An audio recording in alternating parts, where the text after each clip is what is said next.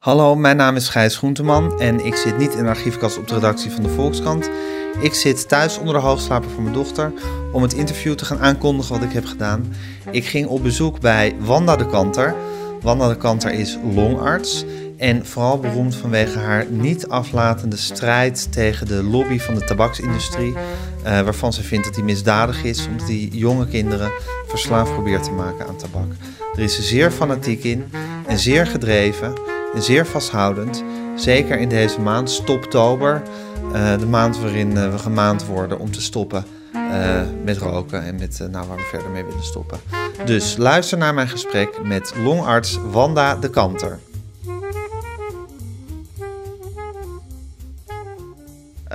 Wanda, goedemorgen. Goedemorgen. Je bent longarts en, ja. en anti-sigaretten, activist, toch?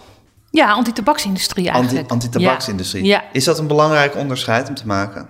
Nou ja, ik maak het onderscheid zo omdat ik nooit rokers wil aanvallen. En als ik je zegt anti-sigaretten, ik vind het gaat me echt om de ja, criminele het systeem wat erachter het zit. systeem wat erachter zit. En, en ja, mensen vatten het soms op dat ik dan tegen rokers ben. Ik ben zelf een forse roker geweest vanaf mijn twaalfde, dus ik heb niks tegen rokers.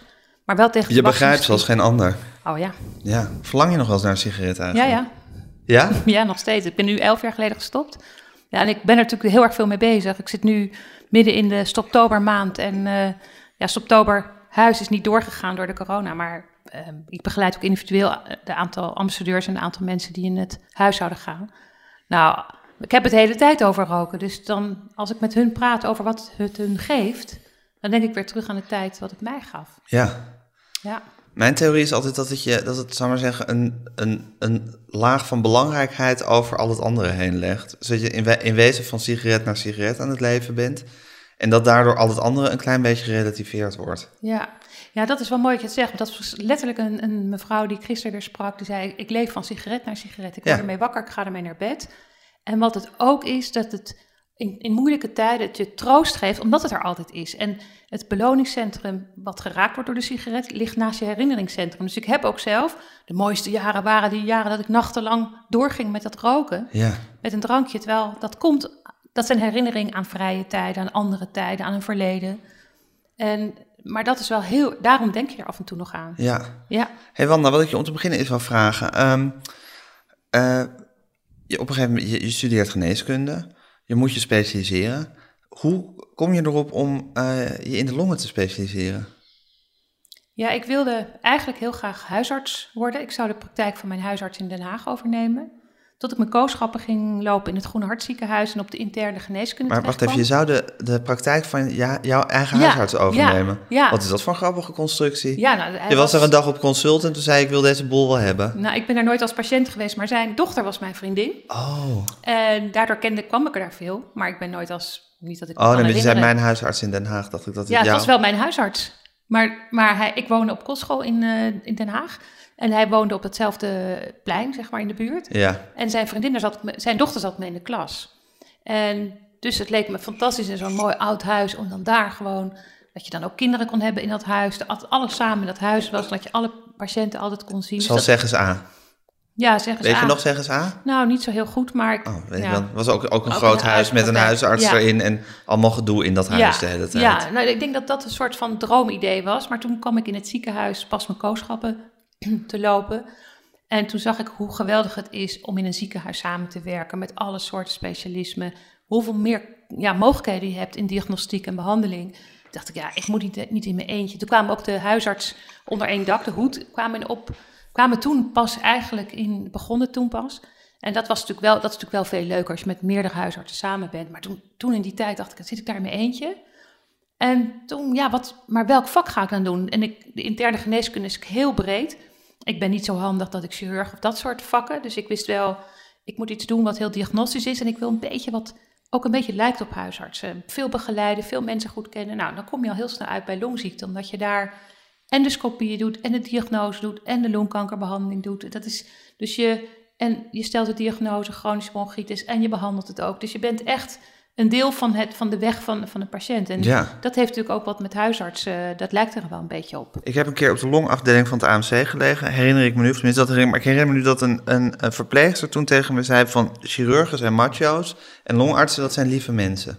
Ja, ik denk dat longartsen ehm ja, heel ander soort... Ja, het is altijd lastig met Ja, we generaliseren, gaan, maar... we gaan even generaliseren ja. met deze, deze disclaimer erbij... dat er heel veel uitzonderingen kunnen zijn. natuurlijk. Maar ik vind longartsen echt... Ja, dat zijn echt aardige mensen. Ik heb veel vrienden onder de longartsen. Ja.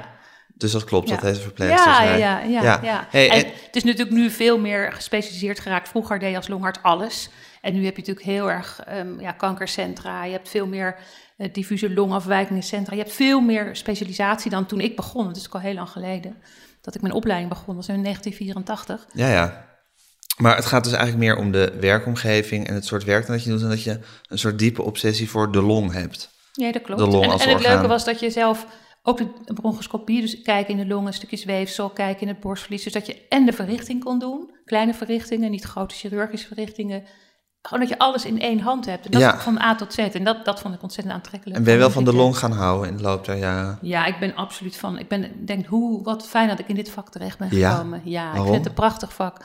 Nou, ja, omdat je, ehm, precies om die reden dat je mensen van begin tot eind ziet. Dat je jonge mensen ziet, dat je oude mensen ziet. Ja, vroeger toen ik nog niet in het kankerziekenhuis werkte, dan zag je jonge mensen met een klaplong. Eh, zag jonge mensen met een astma-aanval. Weet je, je hebt, je hebt gewoon zoveel waar je van jong tot oud. En Ja. ik hou ook van. En ik heb wel eens tegen iemand gezegd die, die arts wilde worden, die, die nog op school zat, van je moet als arts echt van oude mensen houden. Want ehm, je zal zien, kijk, dat een grootste deel van de maatschappij die ziek wordt, zijn oudere mensen. Ja, en ik hou heel erg van oudere mensen. Ik vind mensen die lang geleefd hebben, hun verhalen en ja, wat ze hebben meegemaakt, hun ervaring. Ik hou ook van jonge mensen natuurlijk, maar ik hou ook heel erg van oude mensen. Ja? Ja, Heb je dat altijd gehad? ja ik geloof het wel. Ja, ja. En hoe was het om op kostschool te zitten? Ja, ik, ik ging op mijn twaalfde naar kostschool. Mijn ouders woonden in, voor, eh, werkte, mijn vader werkte voor Shell, dus ik ging op mijn twaalfde naar eh kostschool toe. Mijn ouders zaten in Borneo en dat was natuurlijk echt heel ver weg. Dus twee dagen reizen daarheen. En ja, dan, ehm, je kon sporadisch bellen en internet was er nog niet. Dus we schreven brieven, mijn ouders schreven veel brieven. Dus dat was eigenlijk het enige contact. Dus je bent, je overleeft gewoon zelf een beetje en dat is eigenlijk wel fijn. Want als je dat vanaf je twaalfde doet en in je eentje de wereld rondreist en ehm, het allemaal zelf maar moet oplossen, ik vind dat heeft me denk ik heel veel gegeven. Heeft het je ook wat gekost? Ja, dat vind ik altijd moeilijk. ehm, of dat wat gekost heeft. Ik, ik denk in de tijd dat mijn puberteit begon, dat ik het leven ingewikkeld vond met meisjes onderling en jaloezie onderling. Dat ik gewoon niemand had die daarin mij kon ja, advies Raden. Ja. En dat ik dacht, ik had, hè, want als je met je beste vriendin, als er issues zijn rond die leeftijd en dan komt er een nieuwe vriendin, een nieuwe kostschoolgenoot, hoe ga je daar weer met, met die nieuwe groep om? Ik vond dat heel ingewikkeld. Ja, dus je zit en eigenlijk in een omgeving waarin natuurlijk de, de sociale structuur ingewikkeld is en hard kan zijn, neem ik en aan. dag en nacht, het en dag, nooit precies. op. Het is, ja. je, bedoel, wat, dat is al met school vond ik altijd al vrij pittig, dat je er elke dag mee naartoe moest, naartoe Ja. moest en dan weer in die structuur terecht kwam. En jij zat er gewoon dag en nacht in. ja, En je had niemand om daar af en toe even van buiten mee eh, ja. over van gedachten te wisselen. ja, en ik begreep er ook niks van. Ik was Echt daar niet? helemaal niet, toe, helemaal niet toe. Nee, ik was er helemaal niet voor Nee, nee, dus ik vind ook nu... Minder dan, an- dan andere meisjes. Nou ja, was, dat- was het een meisjeskostschool Nee, het was gemengd. Het was Het was gemengd, oké. Maar ja. minder dan andere kinderen daar. Ja, ik weet dat niet, want je, op je twaalfde, dertiende denk je helemaal niet na. Nee, maar als je nu zo terugziet hoe anderen functioneerden en hoe je zelf functioneerde. Nou, ik denk dat we allemaal maar wat deden. Het was gewoon, we deden maar wat. En dat Was het je- chaotisch? Ja, in mijn beleving was dat zo. Maar eh, ik denk dat, dat we dat allemaal hadden. En misschien heeft ieder mens of ieder kind van 12, 13 dat wel. Maar ik denk dat ik zou ook een grote voorstander zijn om kinderen van jongs af aan de basisprincipe van de psychologie te leren. Hè. Dus vanaf vier jaar, vanaf drie jaar, je kan zo verschrikkelijk veel. En nu ik zelf kinderen heb die het huis uit, inmiddels uit zijn. Maar ik heb zelf, ik heb gewoon 30 boeken met zelfhulpstudieboeken en zelfhulpboeken en weet ik wat allemaal. Eh, psychiater, intervisie, van alles heb ik geleerd. En dat Ja. probeer ik Ja. dat probeer ik heel erg aan de, aan de kinderen in de opvoeding. Ehm, sommige dingen moet je natuurlijk zelf doormaken en, en leren. Maar het helpt wel als je een beetje, beetje kennis van zaken En wat zou je ze dan leren? Nou, wat, wat, wat ik heel erg belangrijk vind is, de, is nou ja, dat je impulscontrole bijvoorbeeld. Hè? Dus dat, dat je weet als jij heel erg boos wordt op iemand. Ja. Dat je gewoon zegt, nou, ik ga nu even, ik reageer daar even niet op. Ik, ik laat dat gaan. Want op het moment dat je, ook al als je vier jaar bent, hè, als je dan terugmapt, dan is de volgende klap nog harder. En dat het heel belangrijk is om te kijken, wil ik wel hierop reageren? En ja, als kind is dat, is dat als je dat heel jong aanleert, hoe langer je... ehm, En zou je het kind dan de theorie leren op kinderlijk niveau? Of zou je door middel van oefeningen de praktijk bijbrengen? oefeningen en voorbeelden. En ja, ik, wat Alles. ik heel vaak doe is via een soort U-bocht. En dan vertel ik nou wat ik gisteren hoorde. Nou, dat, dat is dan gewoon een verhaal. Dat heb je met je eigen kinderen ook zo ja, gedaan. ja, ja, en ik denk dat, ja, nog wil niet zeggen dat het bewijs is dat het dan beter gaat. Maar in ieder geval dat je weet dat je een aantal regels in het leven hebt die niet zozeer dogmatisch zijn, zoals in de Bijbel en Testament is, maar wel dat er een aantal bijna natuurwetten zijn, waardoor je in het leven soms net iets makkelijker gaat zijn dan zomaar al je impulsen te volgen. En wat, kan, je, kan je een voor, nog een voor- voorbeeld geven van zo'n regel bijvoorbeeld? Dus als je, een, als je een klap geeft, kan je verwachten dat je hem harder terugkrijgt. Nou ja, kan nog, wat ik, wat ik zei bijvoorbeeld was op de, op de snelweg, hè, dat iemand je afsnijdt ineens. Nou, Ja. dan snijdt iemand je af. En dan zeiden ze, goh, als er iemand anders in de auto zit, die gaat dan vloeken, schelden, gaat het terug doen. Maar jij doet helemaal niks. Ik zeg, ja, maar stel dat ik wat zou doen. Dat ik even ook dat ga doen, naar rechts, of, of ik ga hem terugpakken, ik ga hem ook Ja. afsnijden. Dan is het, wat gebeurt er dan? Hebben we kans op een ongeluk? We hebben, ik ben dan helemaal over mijn toeren, want ik ben boos. Terwijl als ik gewoon denk, nou, vervelend, en ik doe niks, ja, dan gebeurt er ook niks. Ja, Ja, dus eigenlijk overal waar je, het, waar je het aan de weg... Nou ja, ik heb ook aan de jongens, de tweeling... heb je een heel mooi boek van Covey, de zoon van Covey... die voor kinderen heeft opgeschreven. Van, je hebt een heel leuk meisje en daar ga je mee uit. Je bent 14 of 15. En dan vier weken later komt er een telefoontje van... eh, hmm, komt je vader naar boven, meisje zwanger. En dat dan beide jongens zeiden van... nou ja, dat is haar probleem. Ik zeg, oh ja? Is dat haar probleem? En dan hadden we het erover dat, dat jij, oh, hoe jong je bent, je kan wel een meisje zwanger maken. Dus één pleziertje, de rest van je leven staat gewoon on hold. Of is, er is iets ongelooflijks gebeurd in jouw leven dan. En dus ik zei ja, dat je intens gelukkig kan zijn op dat moment en seks geweldig kan zijn. Maar realiseer je dat één moment, nou ja, net zoals met zo'n auto inhalen, dat dat gewoon je leven helemaal op zijn kop kan zetten. Dus dat zijn allemaal ja, voorbeelden door het leven heen, die je denk ik wel kunnen helpen. Maar het natuurlijk ook over eten. Als we dan, ik had te veel chips in huis, dat slechte moeder was ik daarin. Maar dat is natuurlijk heel moeilijk om, om voor hun dan alsmaar te zeggen, nee, dat wil ik niet. En dan heb ik natuurlijk later gezegd, ja, ik heb dat niet goed gedaan. Maar je kan, hè, je kan natuurlijk als kind zeggen, maar ik neem het niet. Ja, maar als je als moeder dat geeft, zal het wel goed zijn. ja. Dus die, dat je een soort mind the gap, hè, dat je, dat je nou, dat, is- dat weten ze allemaal, mind the gap, dat je bij alles kan nadenken, ik heb een keuze nu om te gaan reageren op iets. Maar Wanda, wat ik nu heel interessant vind, Ja? is of jij nu eigenlijk al praat vanuit je, ja, je functie of je, je, je wezen als longarts en als, als anti-tabaksindustrie. Nee. Eh, of dat jij daadwerkelijk dus van nature eigenlijk zo'n grote gevoeligheid hebt voor de kettingreactie die een kleine beslissing Ja, eh, tot gevolg Ja. eh, kan. Die, die een, groot, een kleine beslissing die een groot gevolg kan hebben Ja. door die kettingreactie. ja, want ik ben tot, zolang ik rookte, tot mijn 47 heb ik me nooit bezig gehouden met de hele tabak. Ik was gewoon een roker en dat zou ik ook altijd blijven. En toen had je, had je ook al deze, eh, deze grote gevoeligheid voor wat een kleine beslissing voor gevolgen kan ja hebben. ik noem komt dat dat? De, consequentieanalyse. Ehm, Waarom ben je daar zo Ja, gevoelig ik, voor? ik, ik, ik denk dat. ehm, ja, ik vind dat een goede vraag. Ik, ik heb een, een. Zeg maar 30 jaar geleden kreeg ik een cassettebandjes van Covey, Stephen Covey, de Seven Habits of Highly Effective People. En waarin hij. dat is dus wiens zoon dat kinderboek had geschreven. ja, precies. En, en hij, maar hij zegt dat hè, die, die, die, die impulscontrole, denk je eigenlijk, hoeveel invloed heb je eigenlijk op het leven? Nou, het was ik toen net 30 of zo. En je denkt dat je heel veel invloed hebt, milieuactivisten, je gaat dit doen, je gaat dat doen, maar die invloed is zo klein. Maar wat kan jij wel doen op jouw niveau? Dat je heel erg bewust wordt van, hmm, die circle of influence is eigenlijk maar heel klein. Wat kan ik wel beïnvloeden? Ik kan, als, ik, als het gaat regenen, kan, ik een paraplu opzetten. Maar dat geldt natuurlijk ook als iemand heel naar tegen je doet, kan je zorgen dat je een vriendin belt of een vriend belt van troost me, help me. Je hebt, en, en dat vond ik zo'n zo'n sterk boek is dat, waarbij je, waarbij je de controle die je over je eigen leven hebt, die eigenlijk maar gering is. En, maar dat Optimaal je, kan benutten.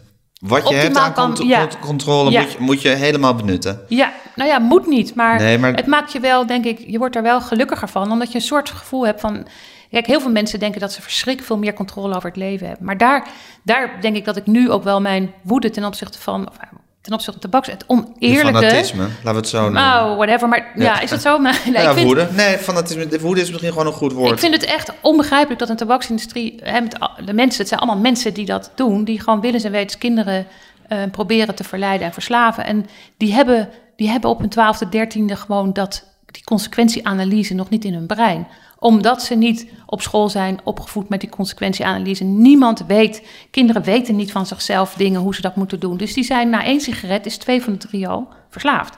En natuurlijk kan je later zeggen, je, je, elke sigaret is er weer één. Dat kan je ook niet doen. Maar op het moment dat je verslaafd bent, lukt dat bijna niemand meer. Bij de meeste kinderen, jonge mensen willen ook stoppen, maar het lukt ze gewoon niet meer. En dat vind ik het, dat je je impulscontrole kwijtraakt. En dan, als je dan teruggaat naar die consequentieanalyse, waar begint dat met die marketing, marketing, marketing, Ja. marketing? Dat is een sigaret. Maar jij las het Ja. boek van die Kofi. Ja, Kofi is jouw, is jouw Guru, jouw spirituele leider. Niet of het spiritueel is ook, maar jouw... Nou, het is best wel zakelijk. Hij heeft het best verkochte zakenboek ter wereld. Honderden Oké. miljoenen zijn ervan verkocht. Dus het is, hij, is- hij leeft niet meer nu.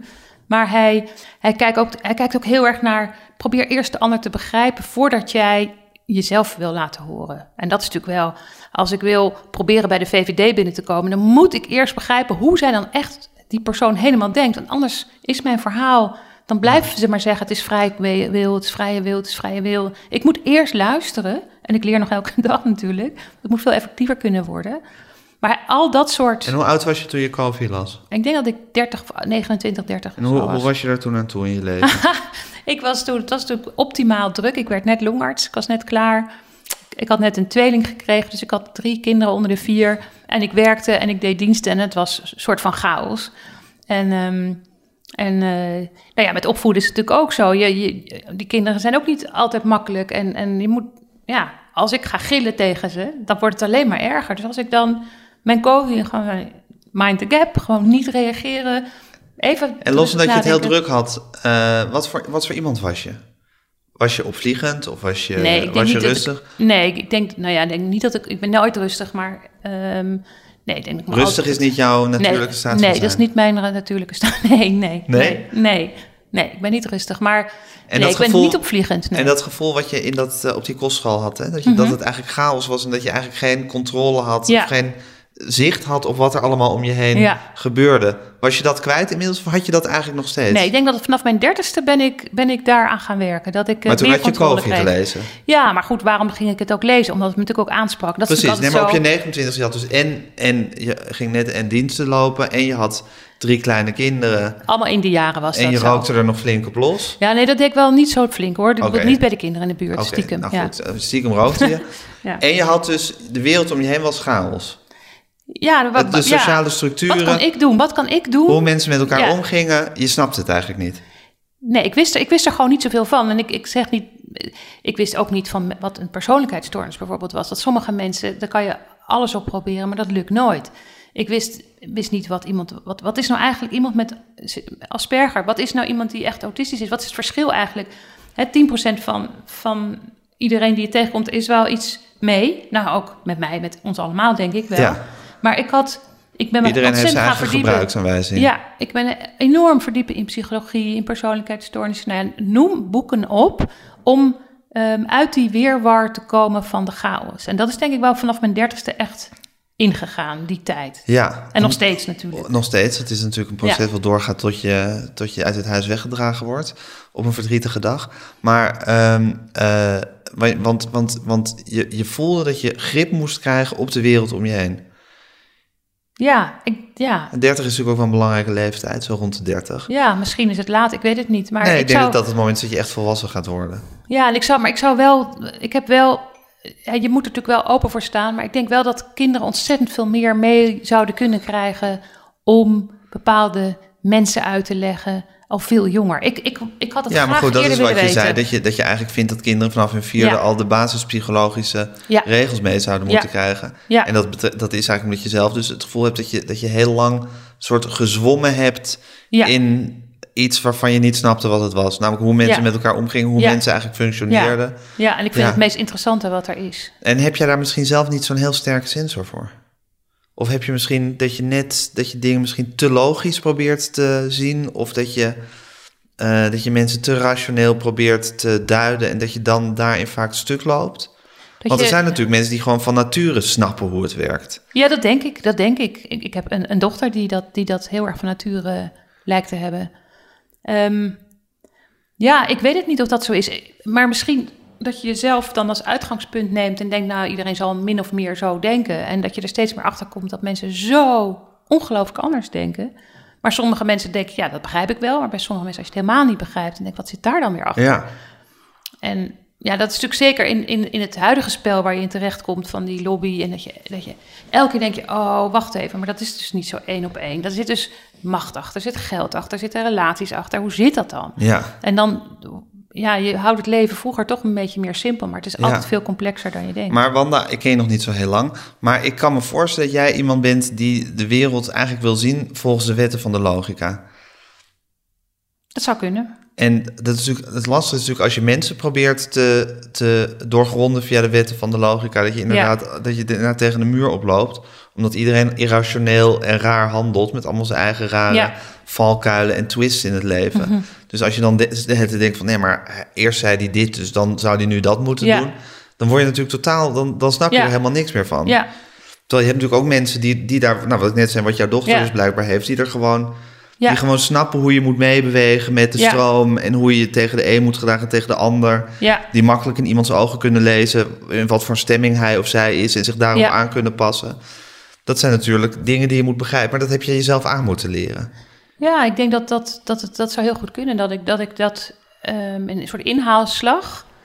Maar tegelijkertijd, als ik zie bij jonge mensen hoeveel. Ehm, er komen best veel jonge mensen langs om te vragen. Die willen dan andere dingen, Ja. activistische dingen doen of processen doen. Dat het toch wel zo is, denk ik, dat veel jonge mensen heel veel dingen nog niet weten. Absoluut, Ja. tuurlijk, zeker. Ja, nee, maar ik, ik vraag dat ook vanwege wet- wetten van de logica, omdat eigenlijk precies wat jij, wat jij die, die woede die jij voelt Mhm. over, de, over de tabaksindustrie en de lobby en het feit dat die miljardenbedrijven bezig zijn met 12-jarige kinderen Mhm. verslaafd maken aan iets heel dodelijks. Dat is natuurlijk inderdaad gekmakend. En Dat is helemaal, cognitief gek maken. dat is ja. precies. En als Ja. je dat inderdaad heel cognitief bekijkt en, en, en dat gewoon volgens de wetten van dan kan ik me voorstellen dat je daar stapelkrankzinnig van wordt. Of dat je daar dat je dat je dat je dat, je, dat er maar in je hoofd blijft bonzen van hoe kan, Kan, het dat dit maar blijft gebeuren? Ja, En dat is natuurlijk wat jou, wat jou, wat jouw vasthoudendheid eh, maakt. Omdat je en gewoon de gevolgen Ja. ziet, omdat je die longen kan zien. ja, En omdat jij logisch nadenkend, als je nou eenmaal doet, gewoon je er niet bij neer kan leggen dat, dat, dat die structuur Nee, ja, bestaat. dat, dat heb je wel een punt. Ik denk, als ik zie naar... Want ook vanuit de collega's, hè, gewoon de KNMG of alle artsen... er gebeurt natuurlijk relatief heel weinig. En, maar als je dan gaat denken, het diagnose-behandelsysteem... wij verdienen allemaal eh, bij leven van tabak. Hè? En, en natuurlijk alle longartsen, heel veel cardiologen, kankerspecialisten... dat het rare is dat hoe meer DBC's je doet, hoe meer geld je verdient Wat is DBC's? diagnose-behandelcombinatie. Ja. Er is geen enkel model om ziekte te voorkomen. Dus stel dat er niet gerookt zou worden, zou een heleboel longartsen, cardiologen, oncologen zonder werk komen te zitten. Dus Dan zou dat ik- systeem instorten. het zou het systeem en ziekenhuisverzekeraars, er, hè, er gaat zo verschrikkelijk veel geld in om. Dus er is geen enkel belang voor een verzekeraar om iets aan te doen, ook niet voor artsen. Dus Geen uiteindelijk. financieel belang. Nee, geen Wel een moreel belang. belang, natuurlijk. Ja, wel een moreel belang. Maar dan, dan kom je weer op dat, op dat vlak van... ehm, ja, maar het is dan toch eigen keuze, toch? En dat wij dan met z'n allen al die kosten en al die zorgen en alles... maar ja, dat is dan niet zo relevant. Maar ik denk dat dat echt... er zou een ander verdienmodel... van hoe hou je de maatschappij gezond? Hè? Hoe hou je mensen... eh, hoe, hoe zorg je ervoor dat kinderen niet jong verslaafd raken... niet jong heel dik worden... niet eh, heel jong met alleen maar alcohol te maken hebben? Weet je, dat... Dat is hoe hou je onze kinderen gezond? Daar is geen enkele financiële prikkel voor. Geen enkel systeem. Het hele systeem past alleen maar bij ziekte. Ziektekostenverzekeraar. Ministerie van Volksgezondheid. Het is het ministerie van ziekte. Alles gaat over ziekte. Ja. Niet over het voorkomen van ziekte. Ja, maar ik denk dat het een goed punt is wat je zegt. Van dat ik het niet kan begrijpen als je cognitief denkt. En terwijl ik weet, ja, bij die tabaksindustrie, daar werken natuurlijk wel bepaald soort types. Ik bedoel, dat zijn niet. Ik denk niet dat, dat ik per se vrienden daar zou kunnen hebben, omdat zij gaan alleen maar voor het geld. Hè, en het- voor het geld voor hun aandeelhouders. En als ik zie hoe foute dingen zij zeggen, dat, daar kan ik me niet, daar kan ik ook hoe ik ook denk, kan er geen chocola van daar kan ik maken. niks moois van maken. Nee. Nee. nee. En het is eigenlijk zo, zeg je, van als er, als er eenmaal zo'n soort systeem eh, is ontstaan waarin een bepaalde geldstroom wordt rondgepompt, eh, dan is dat bijna niet, dan is dat verdomd moeilijk te stoppen. Ja. Omdat iedereen belang heeft bij de, iedereen die in dat systeem zit, heeft belang bij die geldstroom. Dus je vindt eigenlijk dat, de, dat veel ziekenhuizen en artsen het misschien ook wel gewoon in stand eh, houden. Nou ja, ik weet dat artsen kunnen heel veel invloed hebben. En dat zie je wel bijvoorbeeld bij die coronamaatregelen. Dat toen ineens de scholen dichtgingen, dat was de Federatie Medisch Specialisten. Nou, Ja. Als die ineens wat zeggen, dan gaat ja, wordt het ineens super serieus Wow. genomen. Dus als de Federatie Medisch Specialisten wat zou, harder zou durven, of überhaupt zou optreden. Maar dan is dat lastige van dat eh, sy- systeem wat je in stand houdt. Ja, Tja, gekmakend hè? ja ik, ik, ja. Ja en, en ik denk dat het zo is. Dat, dat, dat ik denk, hoe, hoe kan je dan mensen wel eh, bewegen dat zij ook dat gaan zien? En dan komt het weer op, hoe kan het nou dat ik het zie en dat zij het niet zien? Ja. En als ze het wel zien, waarom doen ze er dan niks aan? Heb je, dit, heb je dit eigenlijk met meer dingen in je leven gehad? Dat je, dat je, dat je, dat je, Dat je echt iets dat je een roepende en- in de woestijn voelt. Misschien op in de veel, in veel, op veel kleiner gebied. Ik bedoel, dit is natuurlijk een heel groot en kardinaal punt... wat ook nog eens helemaal bij jou, bij je beroep hoort. Maar Nee, kijk, het is meer als ik, als ik discussies volg, dat ik dan wel altijd een uitgesproken gevoel en een mening heb. Maar Ja. dat, dat uit ik niet. Want dat, de hele Zwarte Piet discussie, denk ik, ja, natuurlijk het weg, Zwarte Piet. Ik bedoel, als er mensen erdoor gekwetst, dan moet je er gewoon mee stoppen. Maar dan heb ik geen zin om daar in het openbaar iets over te zeggen of daar kwesties. Want ik weet Nee. dat mensen heel verschillend zijn. Maar ik weet wel dat ik uitgesproken ideeën heb. En Ja. dat ik denk, dat is toch logisch? Waarom moet er zo lang over gepraat worden? ja, precies. We hebben nu, ehm, we hebben nu vij- vijf abonnementen op kranten eh, om FD te lezen en de Telegraaf te lezen. De Volkskrant en de NRC en natuurlijk het Parool. Maar dat je gewoon elke dag een soort, oké, als het FD dat dus zegt en Volkskrant en- de Telegraaf, die zegt gewoon 180 graden iets anders.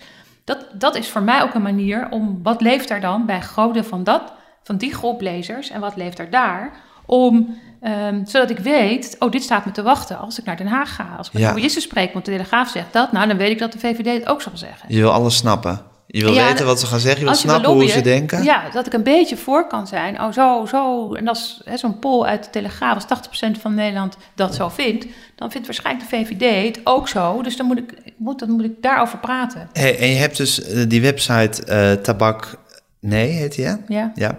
En op een gegeven moment stopte de eh, kanker... De, en, oh, God, ik ben zo slecht aan al die namen en al die afkortingen. Ja, maar de, kankerbestrijding stopte de, de, de, de, Financiering. de financiering Ja. daarvan. Eh, denk je dat dat eigenlijk ook was omdat ze, dat ze ergens dat systeem ook in gang wilden? Dat, dat, dat er toch ook een rare dubbel financieel belang zit? Ja, dat is, natuurlijk, dat is natuurlijk wat we ons heel erg hebben afgevraagd. En ehm, we weten het natuurlijk niet, want we zijn gebeld dat het ophield. En we weten wel naar aanleiding van welk artikel het was op Tabak Nee. Hè, Dat, ging al iets wij- over Jolande Sap, hè, ja, geloof ik. Goed Ja. dat je dat weet. Ja, het was, nou ja, dat, dat zij was belangrijke commissaris van KPMG. En KPMG is een grote klant van Philip Morris. Philip Morris van KPMG ja. in 80 landen. Dus zeiden, die kan... Het belangrijkste punt dat wij maken steeds over die accijns... nou, met Jolande Sap aan het roer, dat gaat eruit. En wat is er gebeurd? Vijf voor twaalf, het is eruit gegaan. Die, die accijns, structurele accijnsverhoging. Maar wij mochten dat niet plaatsen. Wij moesten dat van de site halen. Nou, en dat was ze zeiden. En toen werd inderdaad gezegd: als jullie dat erop laten staan, dan wordt het een probleem met de financiering. De financiering, die we vooral natuurlijk heel erg hebben gehad over de, onze strafzaak tegen de tabaksindustrie. Waar, die hebben ze heel mooi afgerond. Hebben Benedict Fiek hebben zij betaald. En we hebben ehm, twee jaar lang hebben natuurlijk geprocedeerd. En uiteindelijk waren er meer dan een miljoen mensen die hebben, zijn ons gaan volgen. Nou, Antonie van Leeuwenhoek was een hele belangrijke speler op dat moment. Die is ook aangifte gaan doen. Nou, toen volgden heel veel oncologische ziekenhuizen en andere ziekenhuizen. En natuurlijk hebben we toen ook gedacht van ja, ehm, is dat met die grote fondsen zo? Hartstichting 30% roken, Longfonds 80% door roken, KWF 30% sterfte door roken. Hebben ze nou uiteindelijk, is dat het dan? Maar ja, ze hebben ons al die jaren wel gesteund. Hè? Ja. Het, is, het, het lastige van ons activisme is dat zij last kregen van ons activisme. Want zij zeiden, ja, wij zitten zo goed aan die preventietafel, dus laat ons nu, het gaat zo goed. Zei, ja, maar als jullie gewoon met verkeerde mensen aan tafel zitten, wat ook later duidelijk is geworden met dat VNO-NCW, dat die ehm, zo ongelooflijke invloed hebben gehad op die verkooppunten en de prijs van tabak. Dit Het- gaat mij allemaal iets boven de pet, hoor. Je maar, ik, maar praat verder, want Ja. we kunnen... Nou ja, wat, wat er gebeurd is, is dat ehm preventieakkoord werd gesloten. En wij waren er inmiddels natuurlijk niet meer bij. Wat is het preventieakkoord? Je had um, drie preventieakkoorden. Preventieakkoord tabak, overgewicht en alcohol. En wij hadden een aantal jaren daarvoor een rechtszaak gevoerd tegen de staat... op basis van een wereldgezondheidsakkoord, wat juridisch bindend is... dat de overheid geen contact mag hebben met de tabaksindustrie. Als enige industrie dat ze niet mogen beïnvloed worden door de tabaksindustrie. En dus wij hadden de preventietafel tabak, hadden we tabaksindustrie vrij. Waar natuurlijk het CBL, VNO-NCW, de slijterij, Heineken, alles aan tafel zat bij de alcoholtafel, bij de overgewichttafel zat Unilever, McDonald's, weet ik wie allemaal aan tafel. Alleen wij hadden het goed, totdat KPMG ineens voorzitter, nou, onder, in de persoon van Jan Sap. Toen um, werden dus die preventieakkoorden werden toen getekend en werden naar buiten gebracht. En ik zat dus... Oh, want Jolanda Sap zat aan die, aan die preventietafel. Was voorzitter van de preventietafel tabak. Ja, precies. En tegelijkertijd was ze, was ze hoog bij KPMG. Ja. En uh, eh, KPMG is, de, die, daar is de tabaksindustrie een belangrijke klant ja, van. Een hele belangrijke klant. Als je dat in internationale congressen, anti-tabakscongressen hoort, dus als je het woord KPMG zegt, van echt no way, niet dealen met ze, zij zijn van de tabaksindustrie. Nou, dus toen kwam dat preventieakkoord en tot, tot, zeg maar tot tien voor twaalf, toen ik er nog bij betrokken was, heb ik nog gevraagd aan de voorzitter van de alliantie van die fondsen, um, wat doe je nou als die verkooppunten eruit gaan en die prijs niet structureel omhoog gaat? Ga je dan tekenen? Toen zei hij, goede vraag. En hij heeft getekend. Dus nu kwam Follow the Money een paar weken geleden met een heel groot artikel. Die hebben dat uitgezocht, dat er nou mis is gegaan met het preventieakkoord tabak. En toen bleek dus dat de VNO-NCW met het CBL is gewoon heel intens gaan lobbyen bij de VVD. Die het kabinet heeft kunnen overtuigen, dus ook de partij van Paul Blokhuis, kunnen overtuigen dat het eruit moest. Dus uiteindelijk is het preventieakkoord waar de meest extreme dingen, belangrijkste dingen, effectieve dingen eruit zijn gegaan. En intussen waren we natuurlijk heel veel in de Tweede Kamer geweest, we waren bij het preventiedebat geweest. En er is er een meerderheid van de Tweede Kamer is voor verkooppunten beperken. dus weg bij Albert Heijn, weg bij de Shell.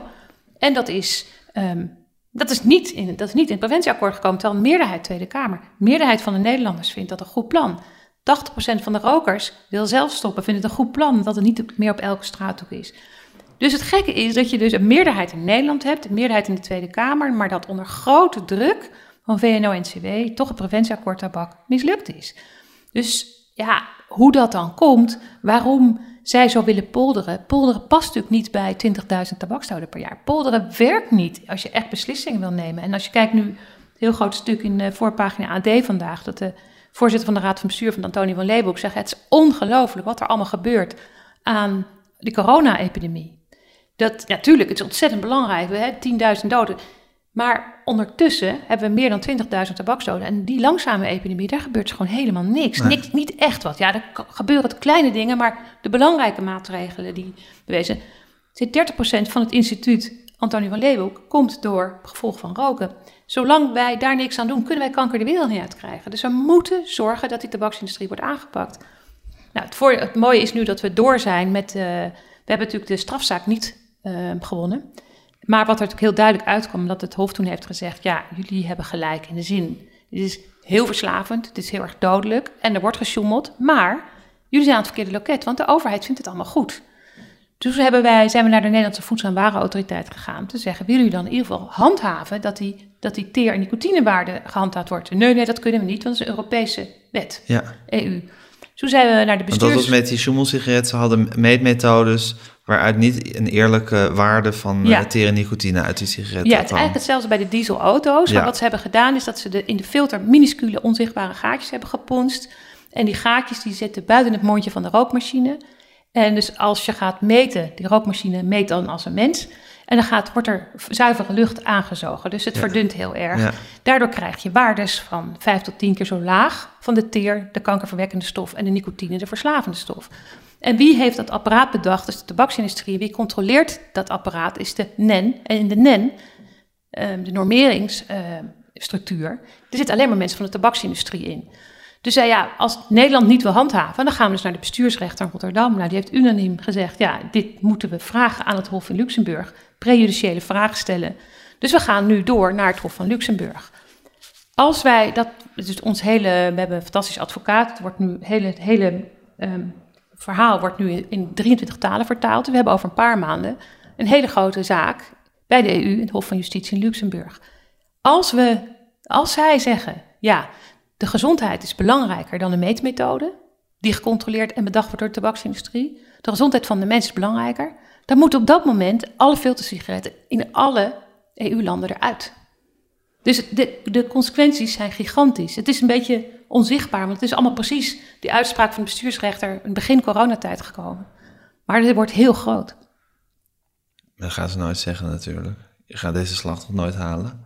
Denk jij niet? Ik weet niet. Ik kan me niet voorstellen. Ja, je moet je voorstellen, maar... Je maar ik kan me niet voorstellen. Dat nee, het is onvoorstelbaar. Maar kijk, als je tegelijkertijd vraagt... als dit product met de kenmerken van wat we nu weten... met zoveel kanker, hartziekte en ellende tot gevolg... nu op de markt zou komen, met de kennis van nu... Ja, nee, dat, dat is allemaal volstrekt waar. En als je de wetten van de logica volgt... dan is het, is het natuurlijk ook allemaal uh, volstrekte waanzin. Ja. En inderdaad zo irrationeel... Uh, dat je inderdaad dat, dat, dat die sigaretten verkocht worden en dat tegelijkertijd het is natuurlijk een heel goed punt over die corona van hoe draconisch eh, al dan niet terecht al die maatregelen zijn. Terwijl inderdaad uh, aan de andere kant volstrekt gelegitimeerd uh, uh, en ook nog met lekker wat geld afgedragen aan de staat erbij. Ja. Je eigen longen gewoon mag vernietigen. Ja, maar ik denk wat je zegt, natuurlijk, als ik te veel op de cognitie ga denken, we zullen het wel winnen, dat denk ik nooit. Dat dacht ik met de strafzaak ook niet. Ik ben ook wel realistisch natuurlijk, want ik zie dat het in zoveel landen in de wereld zo, zo, al zo lang. Ja, ik denk gewoon dan is die druk van die miljardenindustrie is dan zo, groot. Oh ja, die is zo groot. Die en zo bovendien groot. hebben al die mensen zelf gerookt of ze zijn misschien rokers. Uh, iedereen om, ja. om, om ze heen rookt. Ja, het ja. is dus maar het enige groot voordeel is, we hebben natuurlijk nogal wat rechtszaken achter de rug. Um, advocaten zijn in het algemeen heel erg ook cognitief. Feiten. Dus die gaan wat minder op de emotie zitten, maar ze zeggen ja, dit is als deze meetmethode, artikel zoveel, belangrijker is dan gezondheid, dan meten dat is gewoon meten, ja, ja. het recht op gezondheid is groter, punt. Ja. Zij, zij gaan niet over emoties, we hoeven daar geen patiënten mee te Nee, nemen. maar er is toch een rechter die dat moet, die uiteindelijk met zijn hamertje moet slaan en Ja. dat moet zeggen. En dan moet zeggen, Ja. alle filtersigaretten in Europa moeten nu uit de handel dat, dat zal hij niet zeggen, of zij. Nee, maar dat, zal de consequentie zeggen, Dat zijn. zou de consequentie Ja, zijn. dus Ja. de- de- hij, Ja. zal, hij zal zeggen, deze meetmethode is niet volgens het Europese recht, want, Ja. want schaadt de gezondheid in Ja. feite door valse informatie Ja. te geven. ja, En daarmee moeten, zijn alle eh, sigaretten die er nu in de handel zijn onwettig ja, en die zullen eruit genomen precies. Ze moeten zijn ze worden. illegaal. En ja, en dan kunnen we weer verder gaan met onze rechtszaak natuurlijk, of onze strafzaak. Want dan is het wel illegaal. En dan mag het niet meer. Ja, Dus ja, er- er- er er gaat wel heel veel aankomen op dit gebied. Want ehm, kijk, asbest is... Er gaan 500 mensen, 500 mensen per jaar in Nederland aan asbest dood. Asbest is verboden nu. Maar goed, dat overkomt je. Hè? En, en roken wordt door, heel veel mensen nog zie- gezien als een eigen keuze. Nou, dat zien wij beslist niet. En verslavingsartsen en verslavingsspecialisten ook niet. Het zit in de, in de range van ja, cocaïne- en heroïneverslaving. Hoe moeilijk je ermee kan stoppen. Het is grotendeels erfelijk bepaald hoe makkelijk of moeilijk je kan stoppen. Erfelijk en omgeving. Dus ja, dat hele eigen vrije keus. Dus ik denk dat je het heel erg goed kan vergelijken met een asbest met nieuwe inzichten. Dat is illegaal geworden.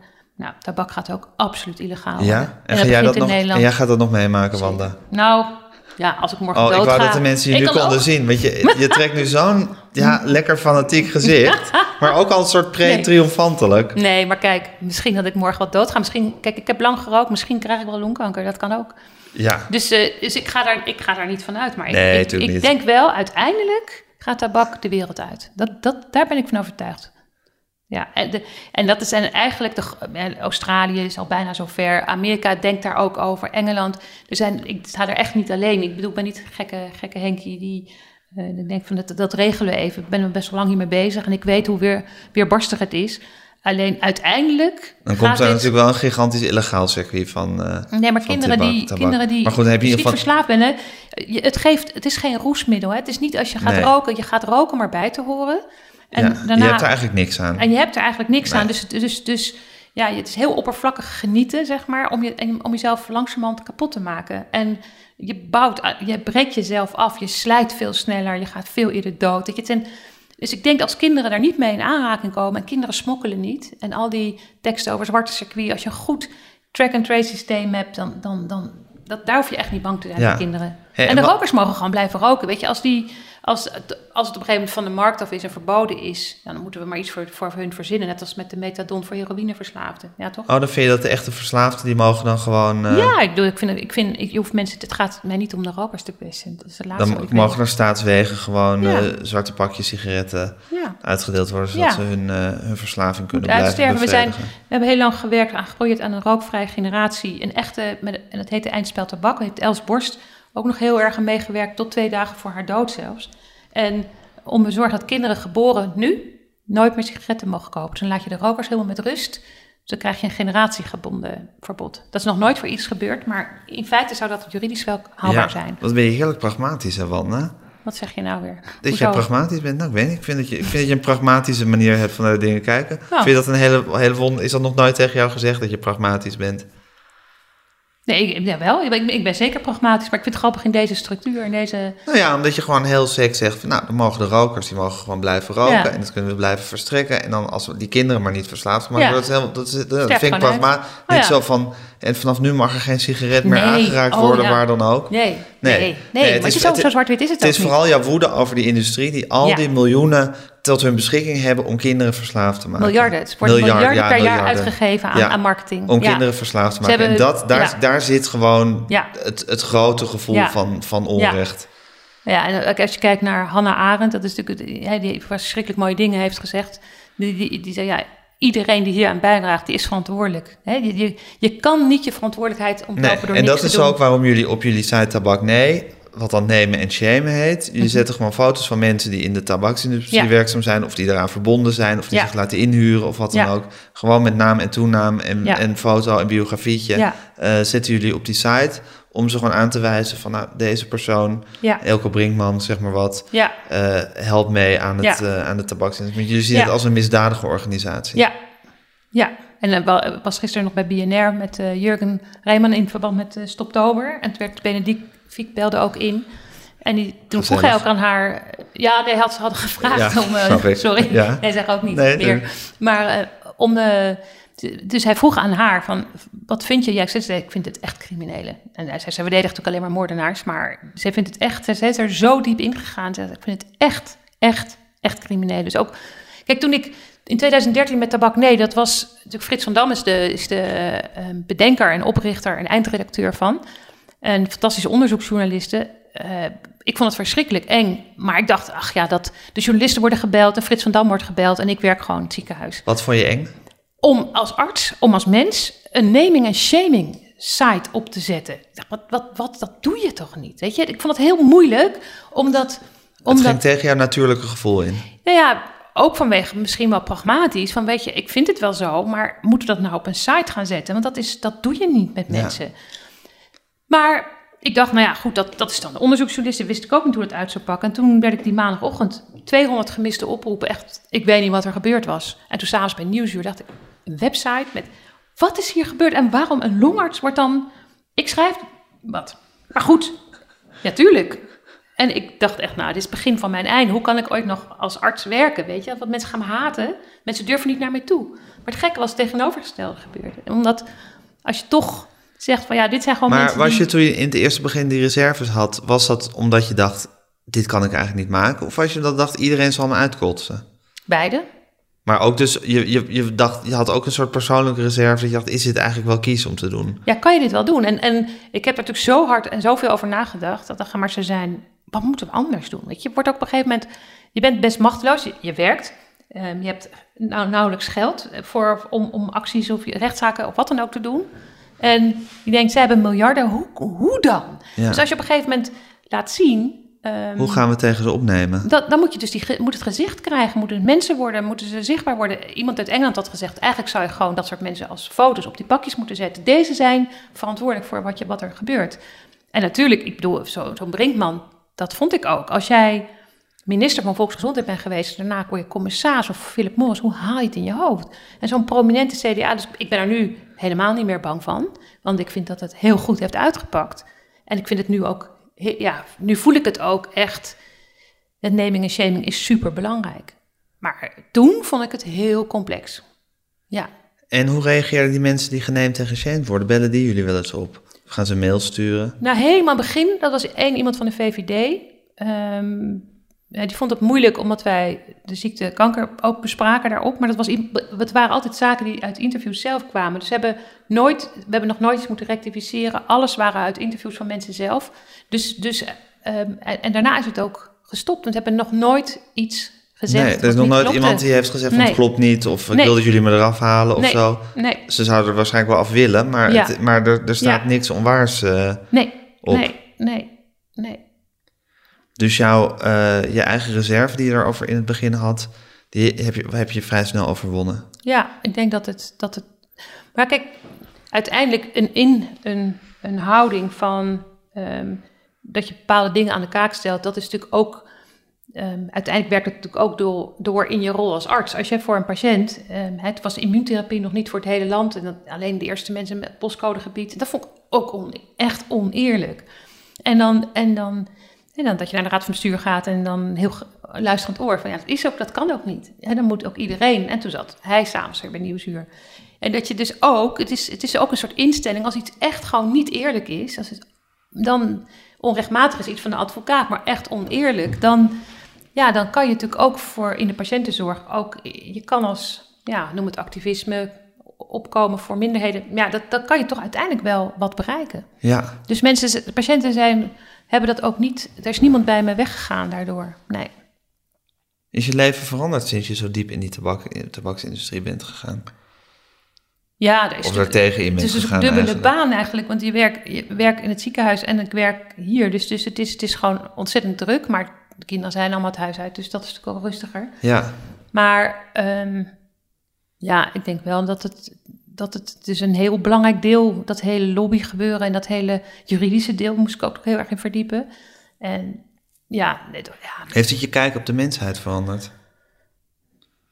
Nee, ik denk dat ik wel, nee, dat niet echt, maar ik denk wel dat, nou wel dat, dat bedrijfsleven, dat ik nu zie dat die multinationals zo bepalend zijn en dan, hè, dat ik dan het woord Mensen zeggen ja, de democratie, wij zijn de overheid, wij zijn de Tweede Kamer. Ja, dat is allemaal waar, maar we vergeten die lobbycratie. En dat die lobby, en dat geldt ook voor alles. Ja. Of het nou door dokters is, of door Philips is, of door Heineken is, of de tabaksindustrie. Maar de, de grote multinationals bepalen in Den Haag wat er uiteindelijk besloten wordt, zolang VVD de grootste partij is. En dat ziet er naar uit dat ze dat nou, goed, blijven. VVD is ook heel lang niet de grootste partij geweest. Toen was het waarschijnlijk ook al zo. Was het CDA. Nou, we hebben natuurlijk Brinkman met ik hoop van de CDA. Ja.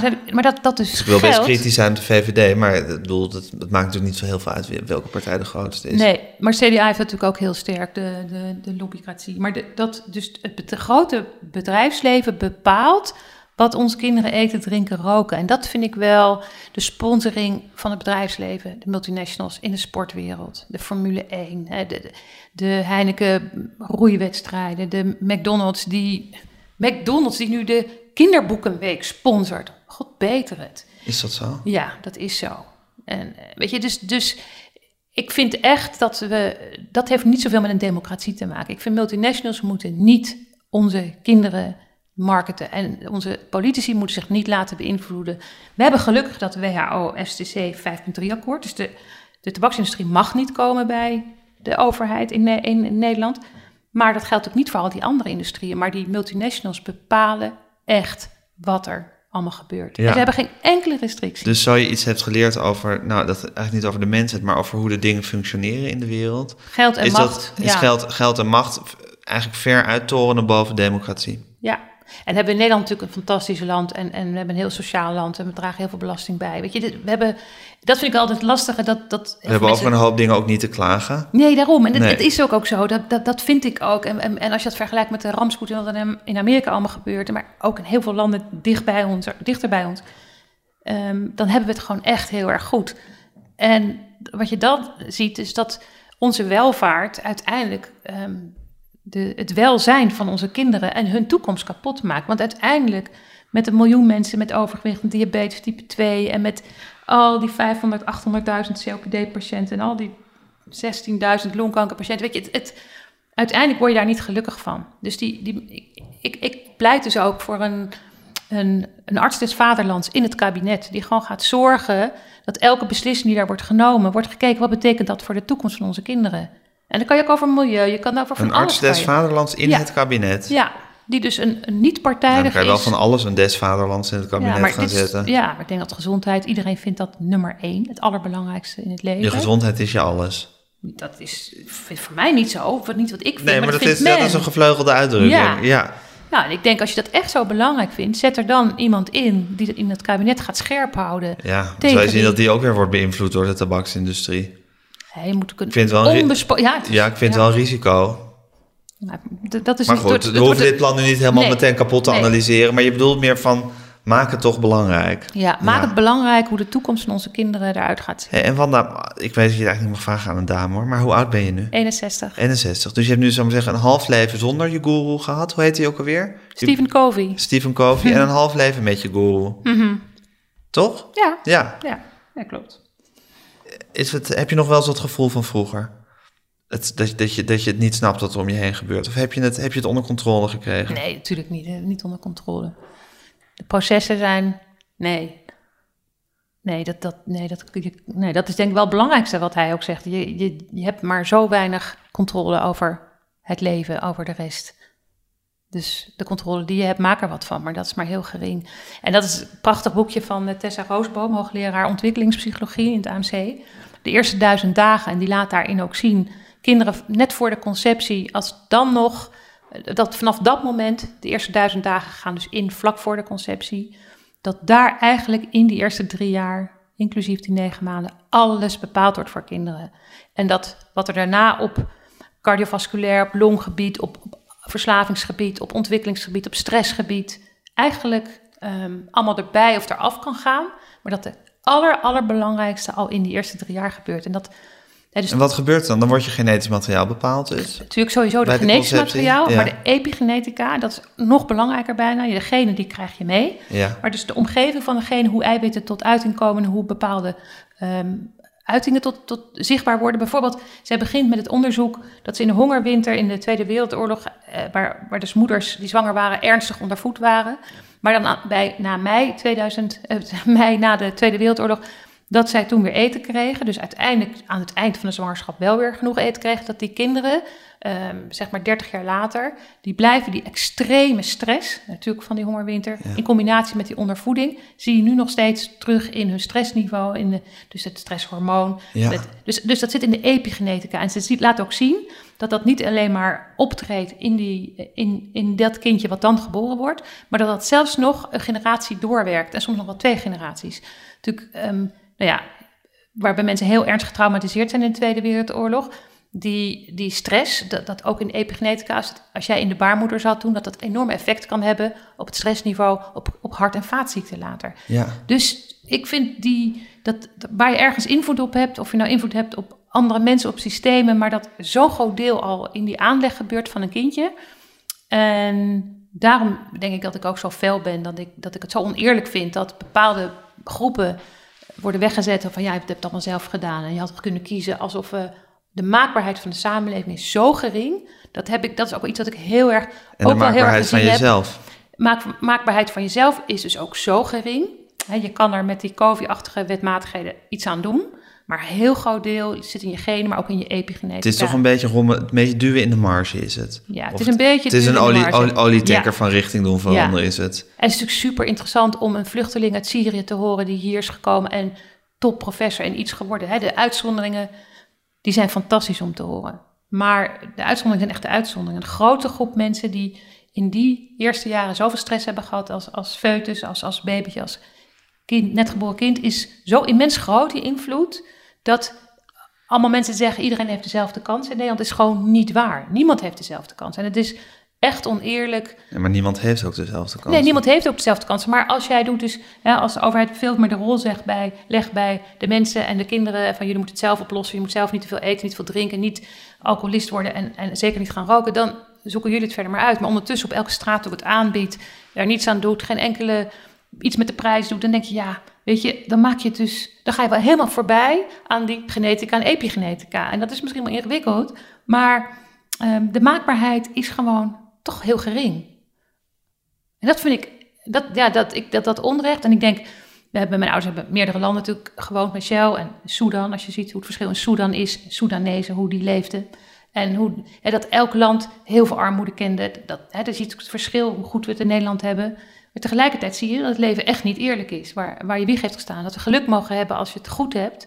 Maar dat je soms gewoon... En ja, dat je ook geluk mag hebben als je intelligent bent bijvoorbeeld. Zeker. Of als je veel zelfvertrouwen hebt. Ja, Als je mooi bent. ja, Ja. ja. Al Ja. dat soort dingen. Maar dat, dat zijn allemaal genetische of epigenetische eigenschappen. hè. Je, dat zijn, je wordt geboren met een IQ, maar niet met een EQ. Je wordt geboren met een EQ en niet met een IQ. Het is maar welke, wat je hebt. Geen enkele impulscontrole. Heel erg, heel erg dat. Dat je op alles reageert. Ja, dat is ook een aangeboren iets. En ik wil niet zeggen dat, er, dat je niks kan veranderen. Want natuurlijk, hè, vandaag is de eerste dag van de rest van je leven. Stoptober, je kan, je kan een verschil maken. Maar het is wel zo dat de onderlinge verschillen in de kansen echt wel heel erg groot zijn. En dan zelfs in een land als Nederland, waar ik denk wat je nu door die crisis ziet, dat het verschil tussen hoog en laag opgeleid, tussen arm en rijk, groter wordt. Mhm. Hè, dat zie je ook in de soort banen, de ZZP'ers, de mensen die toch in, in die vleesindustrie moeten blijven werken, ook al voelen ze zich niet goed, weet je, die, die anders geen geld meer krijgen. Het, het, het, het, het is, het leven is gewoon niet eerlijk. En ik kan niet zorgen dat het leven eerlijker wordt, maar ik kan wel zorgen, misschien. Dat in ieder geval hopen- niet nog... eh, Dat mensen bewust vergiftigd worden. Ja, en dat op alle, alle niveaus. Ja. En daar helpt het ook bij als je op scholen begint met onderwijs in eh, mentale kwestie, maar ook een lichamelijke kwestie. Dat je weet en dat je dat samen met de leraren. De En hoe bezie je je eigen leven, Wanda? Mijn eigen leven. Ja? Vanaf nu bedoel je? Nee, vanaf van hoe het geweest is tot nu. Ehm, ja, ik, ik, vind, ik, vind het, ik vind het een mooi leven. Ik ben Het is wel heel erg dat je blij. zei over die kostschool, zei het heeft me veel gegeven. Ja. Dus het is meer, je, je ziet het meer, je ziet dingen meer als dat ze je dingen gegeven hebben dan dat, dan dat het je veel gekost heeft. Ja, maar, het, maar het, het feit dat het glas half vol is, dat is, dat is ook Mhm. een karaktereigenschap. En dat kan je ook, hè, dat weten ze uit tweelingonderzoek, bijna niet veranderen. Mijn glas is altijd half vol. Ja, jij bent niet mismoedig van jezelf. Nee, Zoals helemaal ik. niet. Ja, ja. Ja, ben je mismoedig? ik ben mismoedig. Ja. Ja. En, Zeker in de, in de winter. ja. Nou, dan weet je ook, je hebt er vast ook van alles aan gedaan en met mensen gesproken, dat dat Ja, een beetje. een beetje van Ik denk ook, het is toch niet te veranderen. Nee, nee, maar dat het ook... Ja, je kan van alles veranderen, maar je kan het een, op een schaal van 0 tot 10 kan je het misschien een puntje veranderen. Maar echte mismoedigheid of echt glas half leeg, dat is niet echt in een glas half vol mens te maken. Jij bent dat is ook aangeboren. ja, jij bent een optimist.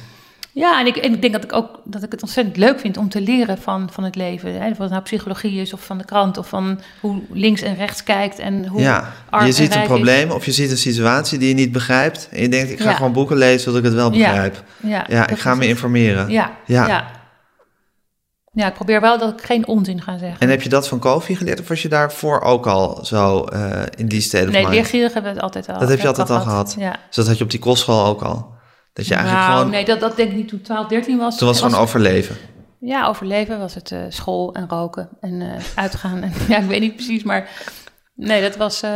Hoe was je met jongens toen eigenlijk? ja, veel, Veel druk. ja, druk jongens, druk met jongens. Ja, dat is wel altijd geweest. Jongens en vlak daarna roken Ja. en uitgaan. Ja, nou, dat is wel mijn eh, leven geweest. Ja, dat is waar, eenmaal. ja. Ja. Wie was je eerste grote liefde? Zo. Ja, ik kan zeggen Jan Duim uit Nijverdal, maar toen was ik elf, dus dat telt niet Nou ja, echt. dat is toch echt een grote liefde was. Nee, maar ik denk zeker dat ik eh, Hans Siemens, dat was echt een grote liefde in Leiden, was dat, grote rugbyspeler. Toen Ja. studeerde je. Ja, ja, En daar viel je als een blok voor. ja, ja. En wat was het in hem dat je voor als een blok voor hem viel?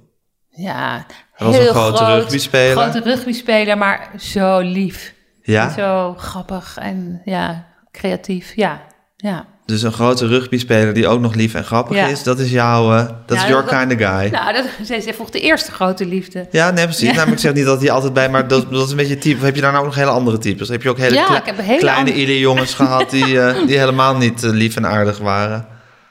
Nee, lief en aardig allemaal. Maar ehm hebben bent- wel andere categorieën. Je bent nooit dat type geweest wat op onmogelijke, nare rotjongens viel. Ja, dat was trouwens ook wel toen ik 16 was. Maar die leeft niet meer. Frank Joustra.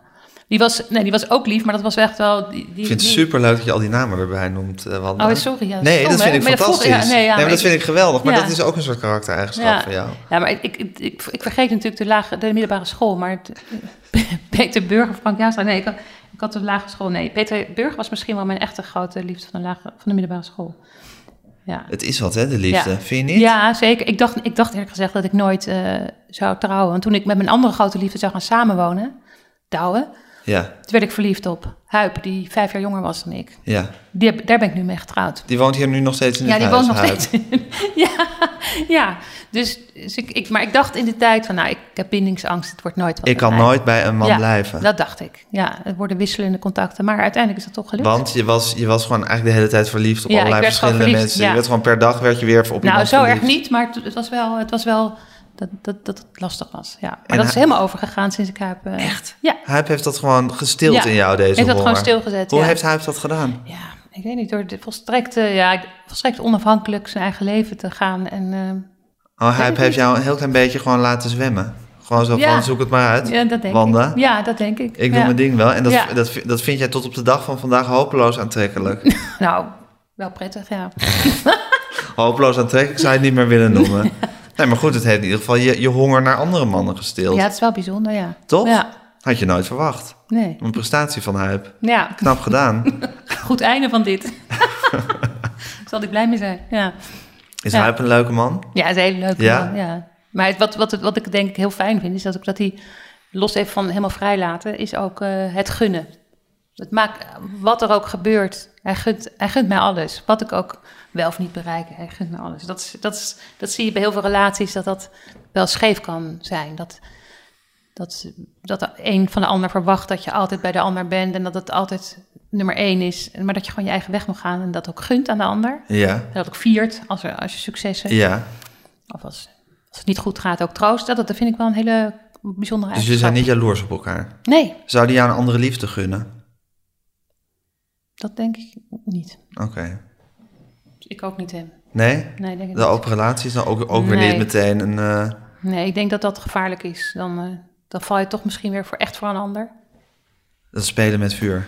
Ja, Ja. ja. Verstandig. Beter verstand, niet. Dat is eigenlijk net zoals Cognitief, weer... hè? Ja. Dat is weer, dat is weer de, een keuze. en de- Wilsbesluit, ja. ja. ja. Ja. Ja. dat is, dat is, dat, ik heb daar zoveel ellende van gezien, van scheidingen en vechtscheidingen. Dat, ik, dat is echt ook, ja, dat is echt een keuze. Maar je hebt zoveel, heel veel, sowieso heel veel gevolgen gezien van kleine besluiten die mensen nemen. Ja, Ik steek een sigaret op. ja, Eh, en de, de grote gevolgen die dat eh, kan Ja. hebben. Dat is eigenlijk jouw... eh, het is geen levensmotto, maar het is jouw kijk op het leven... hoe, hoe, hoe een, een alledaagse beslissing grote gevolgen kan hebben. ja. Ja, consequentieanalyse. Consequentieanalyse. Ja, Koffie. dus- ja, dat komt niet eens uit zijn, maar ik vind het een ontzettend mooi, mooie zin. Dat je, dat je nu in die coronatijd ziet, is dat alles in het nu gebeurt. Hè? Dat zie je van de overheid. Alles is crisis. En niemand denkt of echt een beetje vooruit met dit tekort aan testen. Want er in juni kwam het haast niet voor, dus geen testen. Bij alles in het leven is een lange termijn planning. Is, is heel complex, maar het is wel wat je moet doen.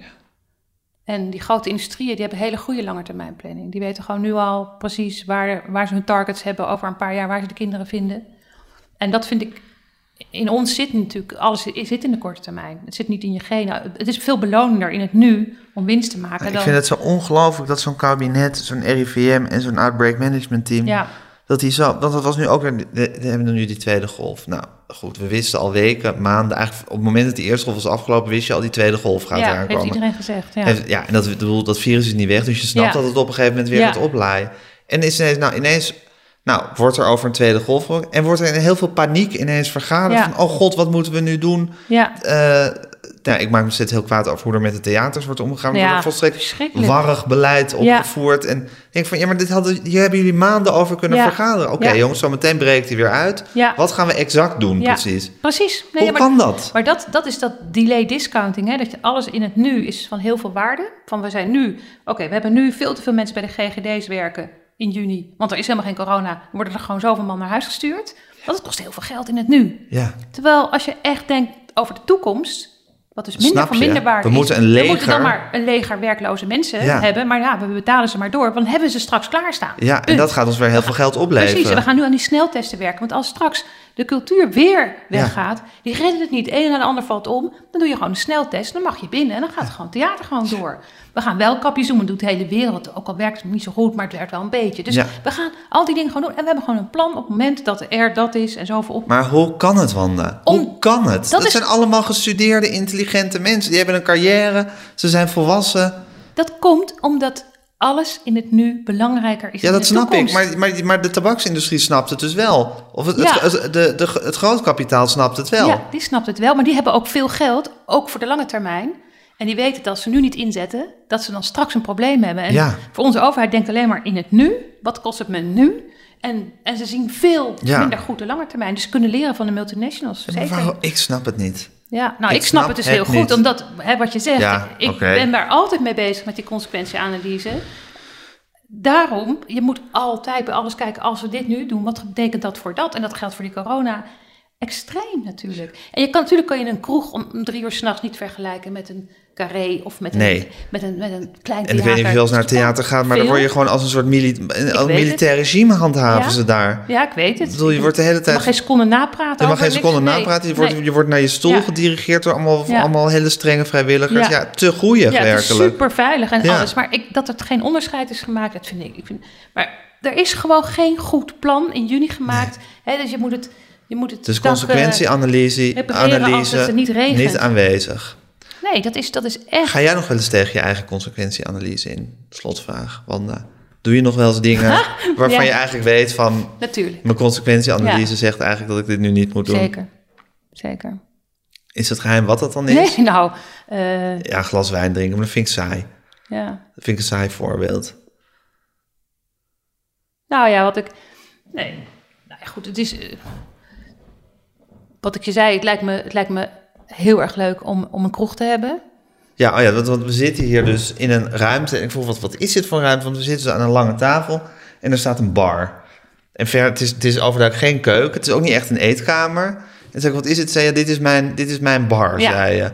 En zei ik, is dat een grapje? Nee, dit is echt jouw bar. Ja. Toen zei ik nog, nou, de enige andere persoon die dat heeft, die ik ken, is André van Duin. Want als je die gaat interviewen, word je ook in zijn persoonlijke bruine kroeg Ja. eh, ontvangen. Waar zijn man Martin Zaliger dan altijd vroeger een kopje koffie eh, voor je maakt met zo'n kuipje melk erbij. Maar dit is jouw eigen bar. Ja, nee, maar dat- of dat nou een. Of de consequentieanalyse, denk ja, elke vorm van, van ehm, veel uitgaan, weinig slapen. Maar goed, dat is allemaal coronatijd. Het is alsof het gewoon niet bestaan heeft. Maar ja, ik denk dat je consequentieanalyse, als je laat naar bed gaat en wel drinkt en dat je, dat, dat je overdag minder scherp bent. Ja, ja. Dat je denkt, als je ouder wordt, moet je ontzettend mee oppassen natuurlijk. En dat, Maar je hebt wel eens avonden gehad waar je, daar, waar, je, waar je je consequentieanalyse maar even opzij hebt gezet. ja, En er toch nog eentje hebt genomen. ja, je kan niet altijd op scherp staan natuurlijk. Nou, dat zijn dan weer mooie laatste woorden.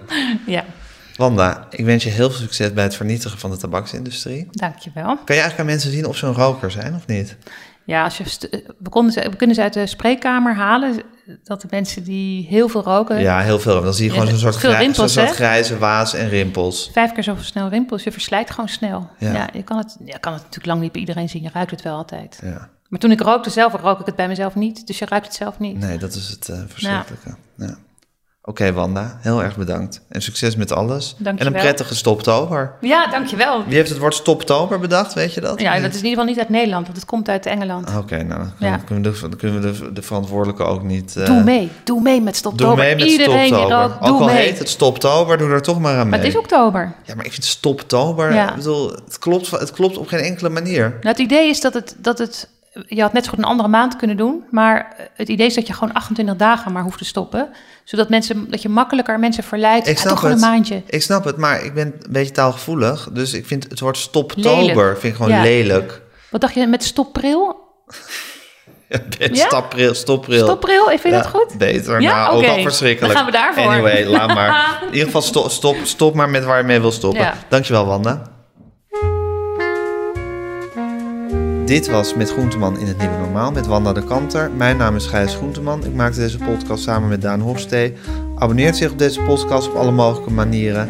Geef ons lekker veel sterretjes. Stuur ons een e-mail, podcasts.volkskrant.nl En volg ons op Instagram, @metgroenteman.